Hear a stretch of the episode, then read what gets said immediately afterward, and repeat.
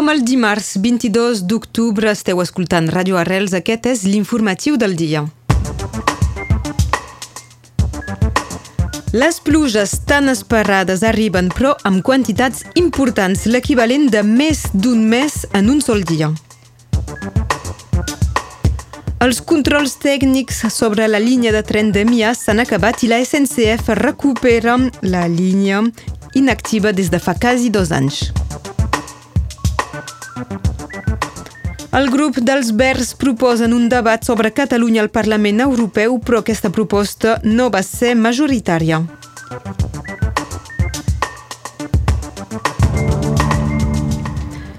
L'elegida regional pel Partit Europa Ecologia Els Verds, Agnès Langevin, ha posposat el seu anunci oficial de presentar-se a les eleccions municipals de Perpinyà i això per culpa de les males condicions climàtiques previstes per avui.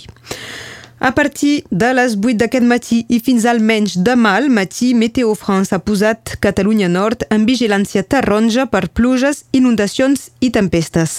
Les previsions anuncien un cúmul de precipitacions d'entre 150 i 200 mil·límetres i localment fins a 300 mil·límetres. També s'anuncia una mala mar per culpa del vent. Es desaconsella de fer desplaçaments innecessaris i tampoc eh, s'aconsella d'apropar-se de rius iguals. També s'esperen pluges a Catalunya Sud, a les Illes Balears i al nord del País Valencià, amb valors que superaran els 100 litres per metre quadrat. Les cambres d'agricultura de l'estat francès hauran de fer estalvis, ja que són finançades per subvencions i per taxes sobre els terrenys no construïts, però que aquestes taxes haurien de baixar d'un 15% segons ha anunciat el govern francès. Alguns elegits estatals han signat una tribuna contra aquesta decisió de Catalunya Nord. Hi ha tres firmants, el diputat RN Louis Alliot i els senadors Les Républicains Jean Sol i Francesc Calvet. La justícia ha restituït la línia ferroviària que uneix Perpinyà i Vilafranca a la SNCF després que s'hagin donat per acabats els controls tècnics. El tram on va haver-hi l'accident entre un tren i un bus a Millas era tancat per les necessitats de l'investigació des del 14 de desembre 2017, dia de l'accident. Treantet, l'associació d'usuaris d'aquesta línia, sempre ha denunciat que mai una línia de tren havia estat tancada tant de temps a conseqüència d'un accident. Ara cal esperar els diferents tràmits com unes obres per poder tornar a fer circular trens entre Vilafranca i Perpinyà segurament no serà abans del 2020. En un comunicat, la presidenta de la regió, Carola Delga, ha anunciat un milió d'euros per modernitzar aquesta línia ferroviària i demana a la SNCF de millorar els seus horaris. El grup de periodistes català Ramon Barnils denuncia les actuacions intolerables de la Policia Nacional i els Mossos d'Esquadra agredint i detenint periodistes.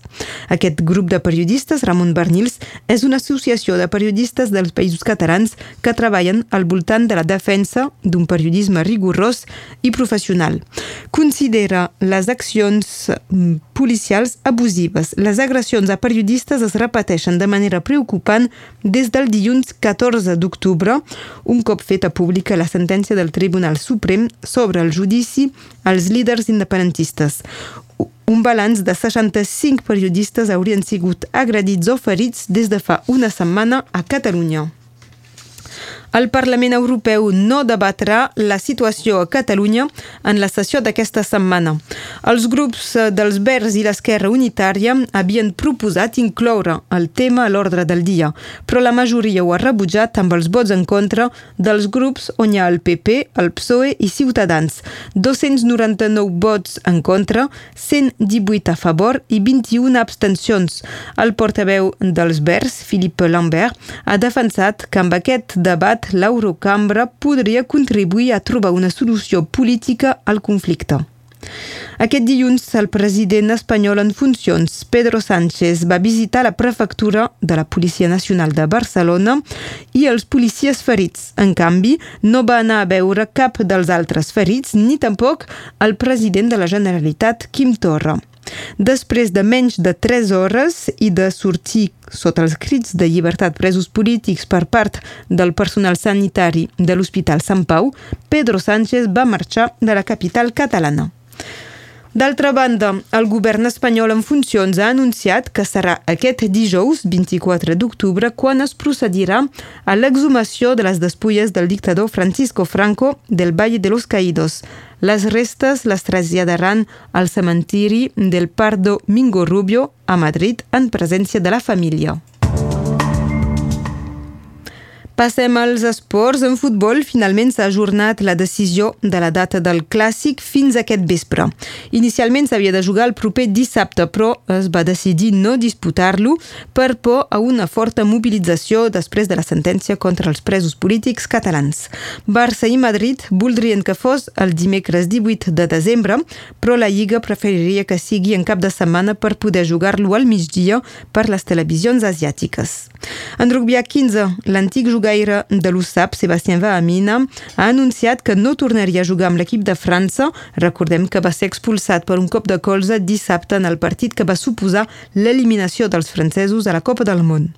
I en rugby a 13, els dracs catalans han anunciat que les tarifes dels abonaments per la propera temporada no variaran en relació amb la passada temporada. Per als actuals abonats, la cita per esmorzar amb els membres de l'equip a l'ocasió de l'inici de la campanya de reabonament serà el dilluns 18 de novembre.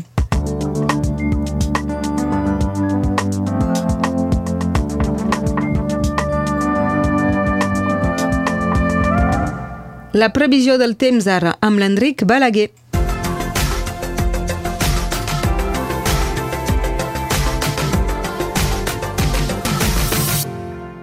No me mullaré gaire si us dic que ens mullarem, segons les previsions que tenim a mà, Plourà avui sobretot la Catalunya Nord i això hauria de durar fins demà a mitjans de matí.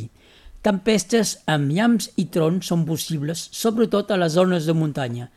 Pel que fa de les temperatures màximes, 10 graus a Portepí-Morens com a Egatèbia, 13 a Mosset, 15 a Rebollet, 17 a Ricardà, 19 a Sant Esteve del Monestir, 18 a Arles, 20 a Espirà de l'Aglí i fins a 21 a Banyurs de la Marenda.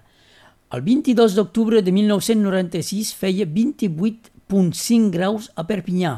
Tres anys abans, el 1993, el termòmetre no va superar els 9,4 graus. L'any passat, el 22 d'octubre, feia 15 graus a Perpinyà i no havia plogut gaire els primers dies d'octubre. Un dia com avui, en 1388, responent a una demanda dels cònsuls de Perpinyà, Joan I crea el Consolat de Mar – en 1973, el 22 d'octubre, a San Juan de Puerto Rico, mort a l'exili Pau Casals. Avui, segons el calendari Terra Nostra, és Santa Lídia, el refran del dia, trons d'octubre, any de diluvi.